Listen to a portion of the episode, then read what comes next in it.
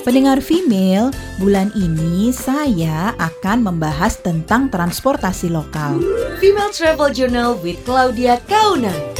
Hai pendengar female, kalau di Eropa, biaya transportasi umum yang paling mahal menurut saya adalah di negara-negara Skandinavia. Tiket sekali jalan dengan subway atau tram bisa mencapai 50 ribu sekali jalan. Tiket kereta antar kota bisa sampai 2 juta rupiah kalau kita belinya mendadak. Tapi, sama seperti kota-kota di Eropa lainnya, negara-negara Skandinavia seperti Denmark, Swedia, dan Norwegia punya penawaran tiket terusan yang bisa digunakan untuk transportasi dalam kota. Jadi, untuk turis seperti kita masih bisa kok traveling on budget dan nggak akan terlalu kaget kalau kita pakai tiket terusan ini.